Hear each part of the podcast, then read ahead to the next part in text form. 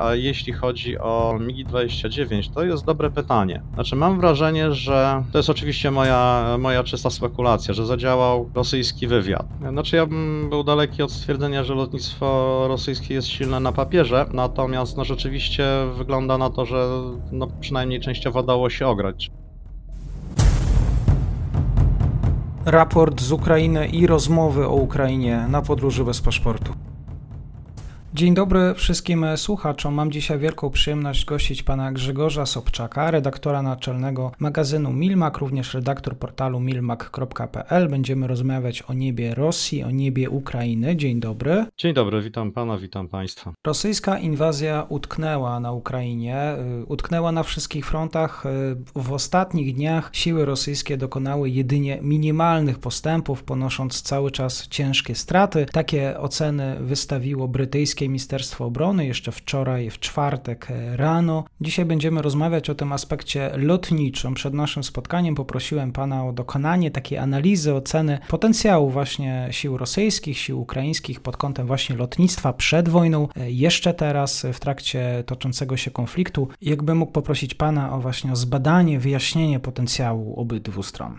A może najpierw e, Warto by zacząć od tego, w jakim stanie znajduje się lotnictwo ukraińskie jako takie, bo pamiętajmy, że po 2014 roku to lotnictwo zerwało kontakty z producentem samolotów, czyli można powiedzieć, że przeszło na taki tryb eksploatacji e, swojej floty, e, z jakim my mamy do czynienia w Polsce od no, powiedzmy połowy lat 90. Tutaj chodzi mi o wsparcie techniczne, jakie zapewniają producenci e, w stosunku do swoich klientów, tak zwana obsługa posprzedażna.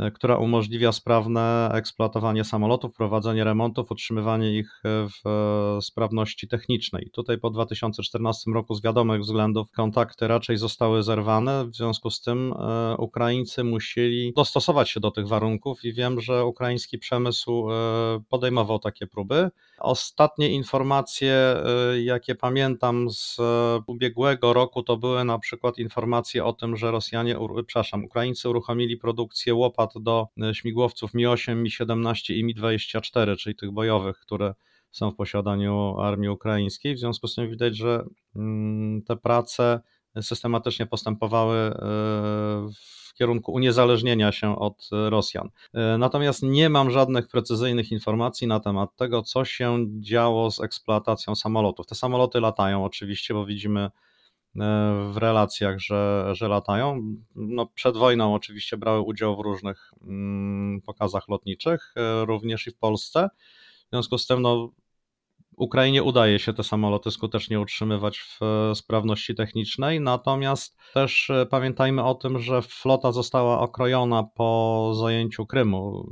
Nie wiem, wszyscy chyba pamiętamy te obrazy, kiedy w 2014 roku w lutym po zajęciu lotniska na Krymie przez e, grupę, przez oddział specjalny e, rosyjski, jeszcze wtedy e, rzekomo takie, który kupił sobie mundury w pierwszym lepszym sklepie z demobilem. Ukraińscy lotnicy, którzy próbowali, mm, że tak powiem, dostać się do swoich samolotów, idąc na uzbrojonych rosyjskich komandosów, wyposażeni jedynie w ukraiński sztandar co pokazuje też e, pewien sposób myślenia i e, postępowania tamtejszego personelu lotniczego. Właśnie w okresie mniej więcej 2014 roku, kiedy armia ukraińska była no generalnie niezbyt wymagającym przeciwnikiem, jak to pokazały, pokazały działania w tamtym okresie. Natomiast warto zauważyć, że od tamtego czasu dokonało się kolosalne dokonała się kolosalna zmiana na korzyść. Znaczy to, co w 2014 roku było tak zwanym pospolitym ruszeniem, czyli batalion Azow i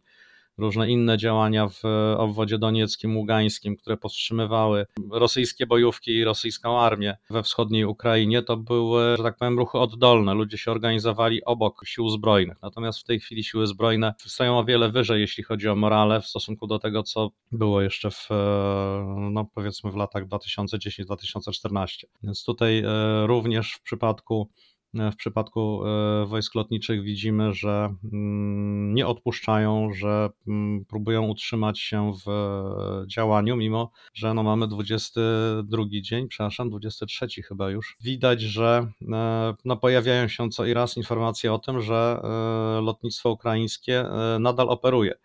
Z tym, że ja oprócz tego, że chciałbym powiedzieć Państwu trochę o działaniach lotniczych, to chciałbym też odnieść się do mm, sytuacji w obronie przeciwlotniczej, bo to jest, wydaje mi się, równie istotny element i tutaj Ukraińcy nie wyglądają tak słabo. E, no, według różnych informacji, ale mają do dyspozycji około 250 e, wyrzutni S-300. E, to jest bardzo nowoczesny, jeden z nowocześniejszych systemów, może tak.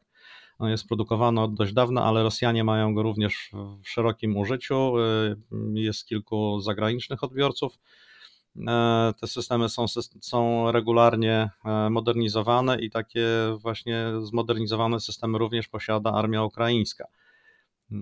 I wydaje się, że właśnie tego typu narzędzia, jak systemy obrony przeciwlotniczej, odgrywają w tej chwili bardzo dużą rolę w obronie na przykład Kijowa ale to o tym może powiemy sobie za chwilkę. Natomiast chciałbym zaakcentować to, że rosyjska, że ukraińska obrona przeciwlotnicza jest e, stosunkowo dobrze wyposażona. Jest to na przykład o wiele lepiej wyposażona niż e, obrona polska, która generacyjnie została gdzieś w latach 70. E, ubiegłego stulecia, no powiedzmy 80. To pokazuje, jaką zapaść mamy w tym zakresie, jakie duże zaległości do nadrobienia. Stąd też bardzo nerwowe ruchy w sprawie pozyskania patriotów przez polską, polską armię. Mm, natomiast natomiast Ukraińcy są w trochę lepszej sytuacji, w związku z tym e, że tak powiem, drogo sprzedają swoją skórę e, Rosjanom, jeśli w ogóle można mówić o tym, że, że sprzedają. E, natomiast jeśli chodzi o stronę rosyjską, to tutaj mamy, a, bo może jeszcze jedna kwestia. Pamiętajmy o tym, że lotnictwo, obok, oprócz marynarki wojennej, która jest chyba najdroższym rodzajem sił zbrojnych, to lotnictwo również jest bardzo drogie. Może nie tak bardzo kosztowne, ale jednak, jak marynarka wojenna, ale jednak drogie i również bardzo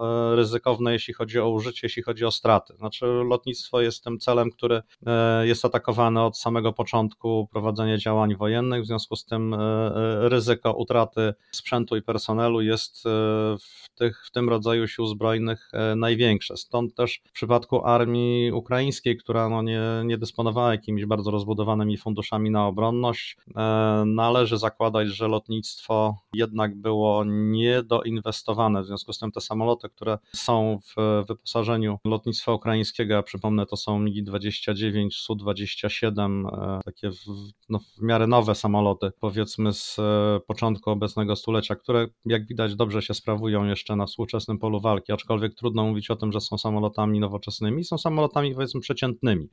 Natomiast są jeszcze Su-24, które pełnią misje uderzeniowe, natomiast e, to już są samoloty trochę bardziej wiekowe. E, no i Su-25 to jest bardzo ciekawy samolot, również dość wiekowy, ale to jest, e, rzekłbym, taki trochę latający czołg. Znaczy stopień opancerzenia tego samolotu jest e, rzadko spotykany w lotnictwie i to, co można powiedzieć, to to, że te samoloty mają dużą przeżywalność na polu walki, nawet w starciu z nowoczesnymi systemami przeciwlotniczymi, zwłaszcza takimi, bo Su-25 jest samolotem uderzeniowym, w związku z tym atakuje cele naziemne, lata w związku z tym jest zagrożony e, atakami na, z strony mm, przede wszystkim tak zwanych manpatsów, czyli e, takich powiedzmy naramiennych wyrzutni e, pocisków rakietowych, tak jak amerykański Stinger albo nasz polski Grom czy najnowszy Piorun. Także te samoloty w działaniach w Afganistanie, bo one oczywiście jako część armii radzieckiej mm, latały w Afganistanie, zdarzało się, że były że wracały do bazy po bezpośrednim trafieniu takim pociskiem. E, oczywiście samolot już po locie nie nadawał się do e, użytkowania, chyba że po jakimś gruntownym remoncie, natomiast e, pozwalał pilotowi w bezpieczny sposób wrócić do, do bazy. To pokazuje, jak bardzo żywotny jest to samolot.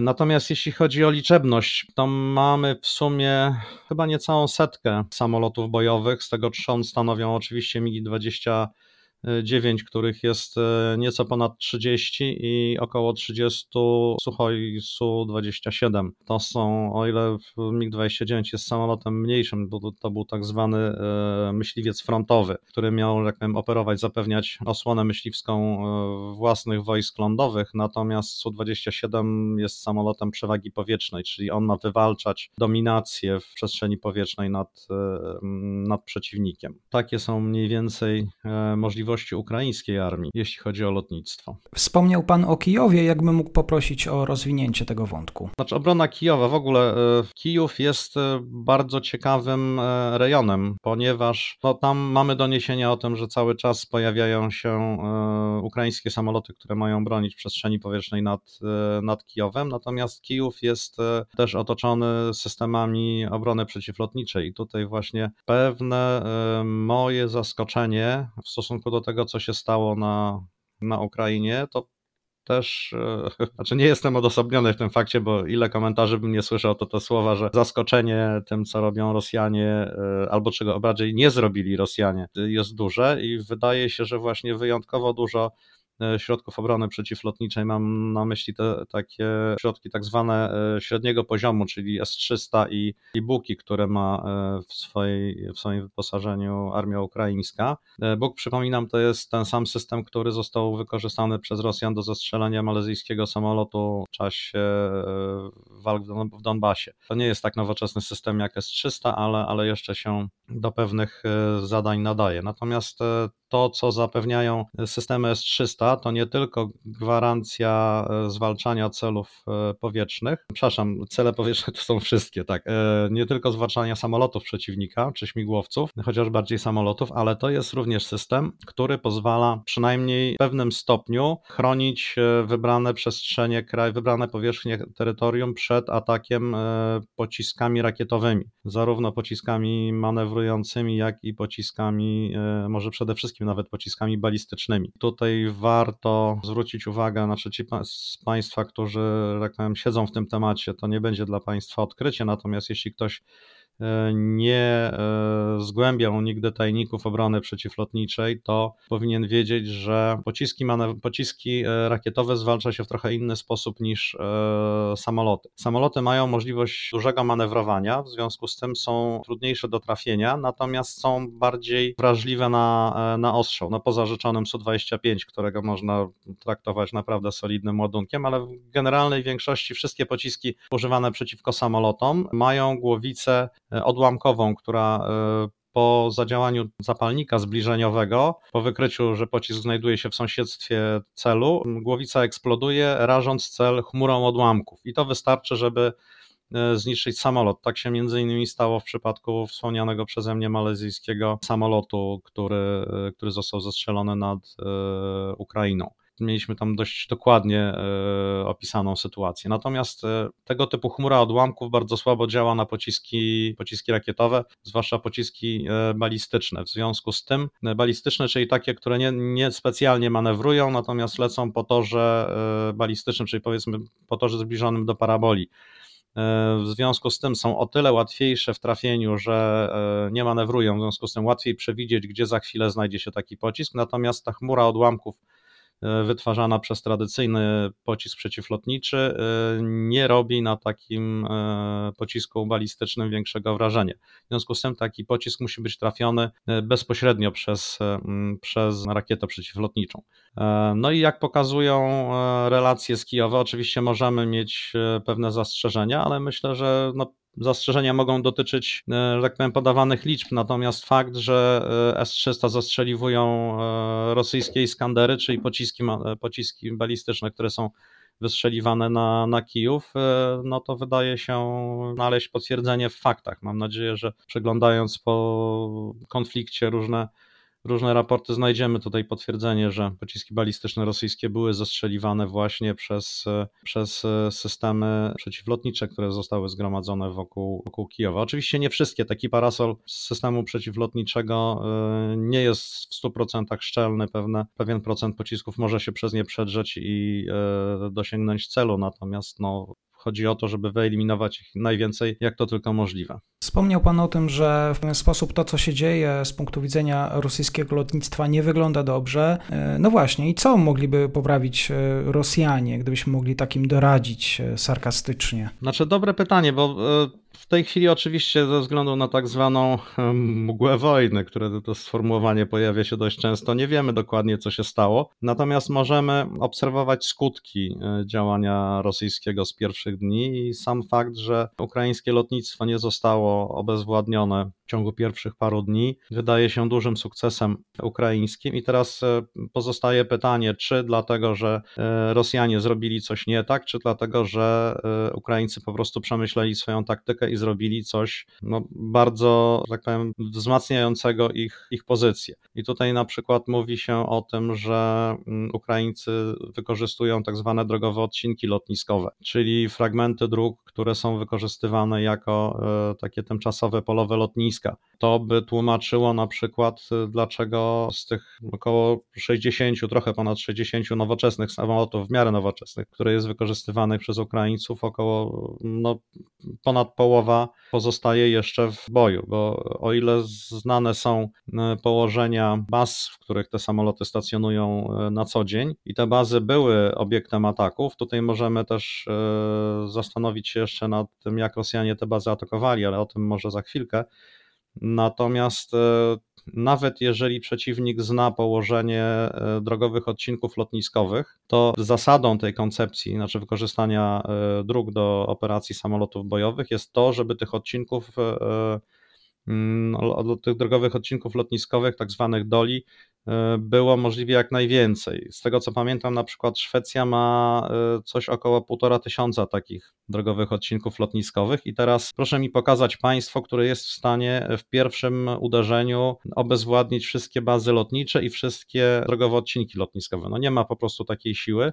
W związku z tym to zwiększa szanse e, lotnictwa na przetrwanie, więc wydaje się, że to może być pewien powód, dla którego Ukraińcom udało się utrzymać jeszcze w miarę liczne E, samoloty. Druga kwestia to jest właśnie to, o czym mówiłem wcześniej, sposób w jaki Rosjanie atakowali lotniska. Znaczy, Trudno mi się wypowiedzieć co do wszystkich przypadków, natomiast mamy taki przypadek jak lotnisko w Winnicy, które wprawdzie jest bazą lotnictwa transportowego, które notabene warto wspomnieć, zostało ewakuowane i to chyba również do Polski, bo widziałem, że te samoloty w Polsce gdzieś się pojawiły. Czy dalej są w Polsce, trudno mi powiedzieć, natomiast te samoloty, które nie miały wartości bojowej, że tak powiem, a mogły być wykorzystane na przykład przy akcjach humanitarnych, niesieniu pomocy, dostarczaniu zaopatrzenia, to zdaje się te samoloty zostały e, szczęśliwie w dużej liczbie ewakuowane. Natomiast wracając do lotniska w Winnicy, otóż e, Rosjanie atakując to lotnisko zniszczyli infrastrukturę lotniskową, ale w postaci budynków zaplecza technicznego, natomiast oszczędzili zupełnie płytę lotniska, co wydawało się dość zaskakujące, zważywszy, że no, budynki nie stanowią, znaczy oczywiście stanowią pewną wartość, natomiast no, tak naprawdę pas startowy daje możliwość operowania samolotem. Wystarczyło zniszczyć pas startowy i w tym momencie, zależnie od tego, czy budynki, wyposażenie były sprawne i czy tam na tym lotnisku znajdowały się sprawne samoloty, to przynajmniej przez pewien czas lotnisko byłoby i te samoloty na lotnisku byłyby wyłączone z e, użytkowania. Można można by je było na przykład wtedy dobić e, w następnym ataku. Natomiast no widać, że, e, że Rosjanie mają trochę inną taktykę. Być może próbują zachować lotniska do przyszłych operacji, przeciw, do operacji desantowych, o czym za chwilkę jeszcze wspomnę. Natomiast e, ciekawostka właśnie z dzisiejszego poranka, bo informacja podawana przez polskie media, jakoby dokonano ataku na lotnisko w, w Lwowie i e, według informacji rosyjskich, no ale już podanych, podawanych przez różne media, e, atak został wykonany przez rosyjski okręt podwodny z akwenu Morza Czarnego przy pomocy pocisków manewrujących, więc. A i tutaj też mamy do czynienia z sytuacją, kiedy zniszczone zostały zakłady remontowe lotnicze znajdujące się przy lotnisku, natomiast samo lotnisko trudno powiedzieć, ale wygląda na to, że nie, e, nie ucierpiało. W związku z tym znowu mamy tą infrastrukturę lotniczą zdatną do, do wykorzystania w przyszłości. Mamy wyeliminowany jedynie zakład, który prowadził, mógł prowadzić remonty. Nie wiem, czy tam akurat remonty w tej chwili się e, jakieś prowadziło. Wydaje mi się, że chyba jednak nie. No ale faktem jest, że właśnie działanie Rosjan e, wygląda na to, ma na celu wyeliminowanie infrastruktury związanej z obsługą bardziej lotnictwa niż, e, niż z taką twardą infrastrukturą, która pozwala mu na operację. To tak wychodzi na to, że rosyjskie lotnictwo jest mocne tylko na papierze. Rozumiem z Pana wypowiedzi, ale to jeszcze jedna kwestia, może ostatnia. Co z tymi migami? Na czym stanęło dzisiaj?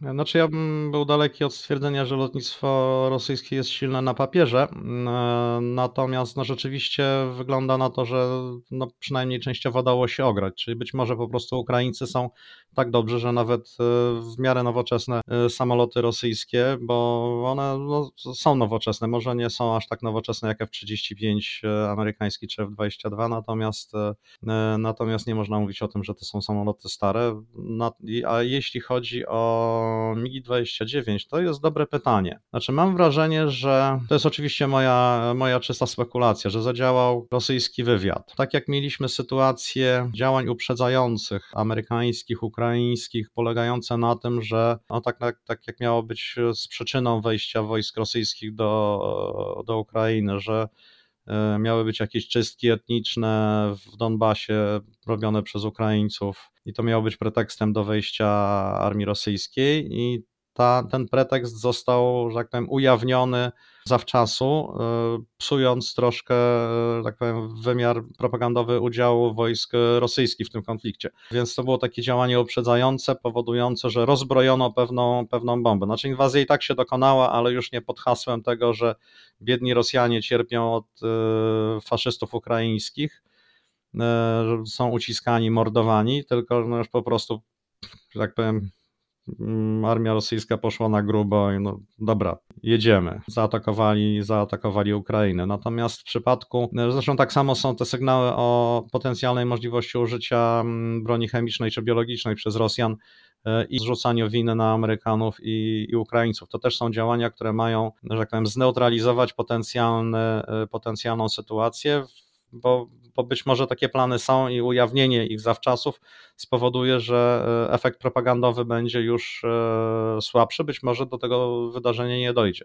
I tu myślę, że mieliśmy do czynienia z e, podobną sytuacją, kiedy była dogadywana sprawa przekazania samolotów Ukrainie. Tutaj po prostu doszło do wycieku. Znaczy nie chcę mówić, że pan Borel, minister, tak zwany minister spraw zagranicznych, bo ta funkcja troszkę inaczej się nazywa, jeśli chodzi o Komisję Europejską, komisarz do spraw zagranicznych, nie pamiętam w tej chwili dokładnej nazwy, wygadał się na konferencji prasowej. Też słyszeliśmy w niektórych źródłach, że doszło do wycieków, e, jeśli chodzi o amerykańskie instytucje różne, więc myślę, że to mógł, mogło być takie działanie właśnie uprzedzające, żeby przypadkiem NATO nie dostarczyło Ukraińcom tych, e, tych samolotów. No a potem, jak już mieliśmy sprawę na widelcu, zresztą temat był bardzo nośny, od razu zyskał rozgłos w prasie, potem jeszcze Ukraińcy potwierdzili to, że są prowadzone takie rozmowy, no i w tym momencie widać było przynajmniej jeden, jeśli nie dwa kroki wstecz e, kierownictwa NATO.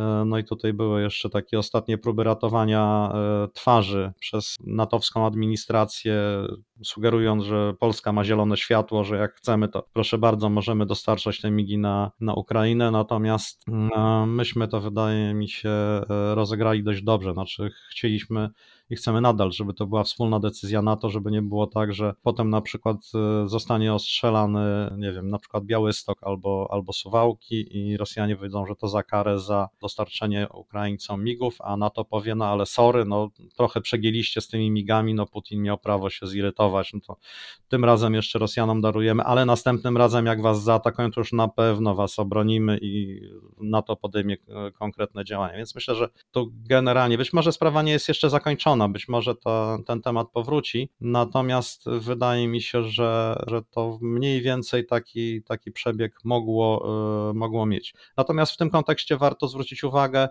na informacje z ostatnich dni, że Ukraińcom zostanie, albo już zostało, znaczy mam wrażenie, że to już zostało dokonane. Po prostu teraz się to e, ujawnia, że mm, Ukraińcy dostali też systemy przeciwlotnicze S-300, które były wykorzystywane przez E, kilka państw NATO, tutaj mówi się o Słowacji. E, ja się zastanawiam jeszcze nad e, udziałem Turcji w tym wszystkim, ponieważ Turcja też ma dość licznie zakupione mm, systemy S-300. To była, tak powiem, gruba afera polityczna, kiedy mm, Turcy zdecydowali się na systemy przeciwlotnicze kupowane, znaczy produkowane przez Rosjan. E, no i te systemy w Turcji są. Czy one mogą być dostarczone do, e, znaczy Ukraińcom, to tutaj no, jest znak zapytania. Nikt o tym nic nie mówi, więc albo nic się nie dzieje, albo, albo po prostu ciszej nad tą trumną, że może, może właśnie e, tego typu operacje lubią, lubią ciszę, lubią cień, nie lubią być nagłaśniane. No właśnie, sprawa polskich myśliwców y, nie jest skończona, ale jeżeli chodzi o strefę zakazu lotów, to tutaj y, chyba sprawa jest przesądzona. Ukraińcy przez ostatnie 23 dni y, zadają Rosjanom duże straty. Straty w ludziach i w sprzęcie. Sami Ukraińcy dzielnie się bronią, dostają mnóstwo amunicji, wsparcia od państw Zachodu. No ale jeżeli chodzi o strefę zakazu lotów, tutaj sprawa wydaje się być przesądzona. Politycy mówią nie, pomimo mimo próśb właśnie Kijowa. Zachęcam też do tego, żeby sięgnąć po rozmowę, wczorajszą rozmowę z panem Wojciechem Lorenzem, e, który mówił o tym, w czym praktyce jest właśnie ta strefa i właściwie jej otwarcie to takie preludium do wybuchu III wojny światowej. Czy Grzegorz Sobczak zgadza się z tą kwestią? Znaczy ja jestem e, daleki od proposądzania e, kwestii politycznych. E, nie jestem ekspertem z dziedziny polityki, natomiast możemy się zmierzyć z tym tematem od strony technicznej. Po pierwsze, e, NATO miałoby duży problem z utrzymaniem tej strefy zakazu lotów, choćby ze względu na dostępność ukraińskiej przestrzeni powietrznej. Zwróćmy uwagę, że dostęp do przestrzeni ukraińskiej mamy tylko e, stosunkowo wąskim odcinkiem granicy zachodniej z Ukrainy, z Polską i ze Słowacją troszkę z Rumunią, troszkę z e, Węgrami, chociaż Węgrzy oczywiście się odcinają od różnych działań zbrojnych, ale powiedzmy, dobra, że, że udałoby się ich przekonać, ale to są dość wąskie odcinki i zostaje jeszcze Mołdawia, która e, ma taki dość niekorzystny kształt, który, jeśli Państwo spojrzycie na mapę, wyłącza dość duży odcinek zachodniej granicy ukraińskiej.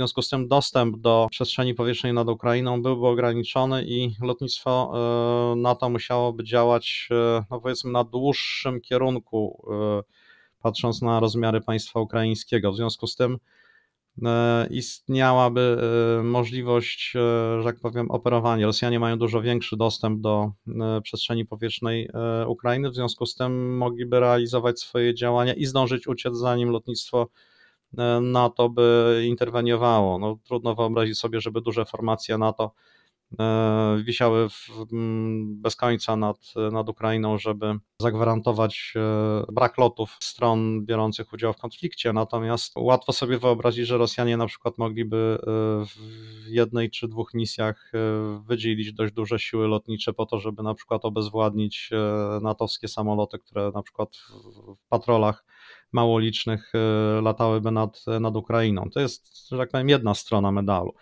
Natomiast druga strona e, jest taka, że z wypowiedzi ukraińskich polityków można wywnioskować, że oni się spodziewają, że strefa zakazu lotów będzie dotyczyła również e, pocisków manewrujących, jak również bezzałogowców. No, ile jeszcze z bezzałogowcami można sobie wyobrazić walkę, o tyle E, nie spotkałem się z sytuacją, żeby lotnictwo e, właśnie w strefie no-fly zone zwalczało mm, pociski manewrujące, czy jakieś takie powiedzmy niskiej, e, nisko działające bezzałogowce, bo to jest po prostu przerost formy nad treścią, to jest tak jak strzelanie z armaty do komara, mniej więcej.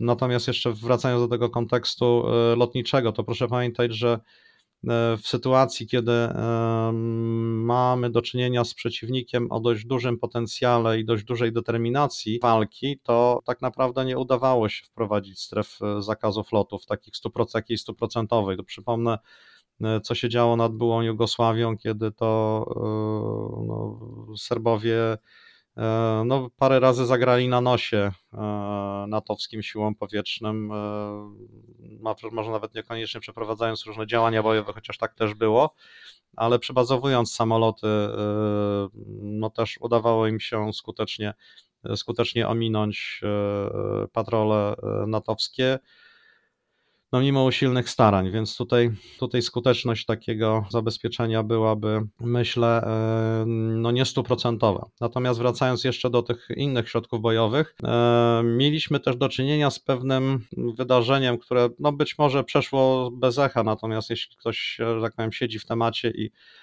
słuchał uważnie mm, doniesień, była taka informacja o tym, że Kijów został zaatakowany pociskami wystrzelonymi z bombowca rosyjskiego przebywającego w rosyjskiej przestrzeni powietrznej.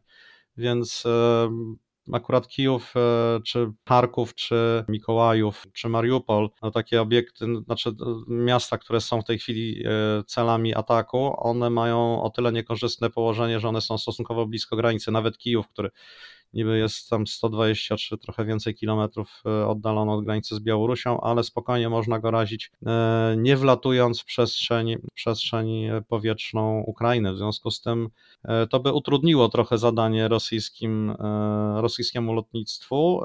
To podniosłoby też koszty, bo nie można by było na przykład zrzucać na cele cywilne bomb niekierowanych, które są tanim uzbrojeniem, tylko trzeba byłoby wykorzystywać drogie pociski manewrujące ale no, można by było to dalej, e, dalej kontynuować, czyli może z mniejszą intensywnością, jednak e, równie e, równie zabójczo, wydaje mi się. Dzisiaj na temat tego, jak wygląda wojna ukraińsko-rosyjska w powietrzu, mówił mi pan Grzegorz Sobczak, redaktor naczelny magazynu Milmak, redaktor portalu milmak.pl. Serdecznie dziękuję za wiedzę i za spotkanie. Dziękuję za zaproszenie. Do usłyszenia.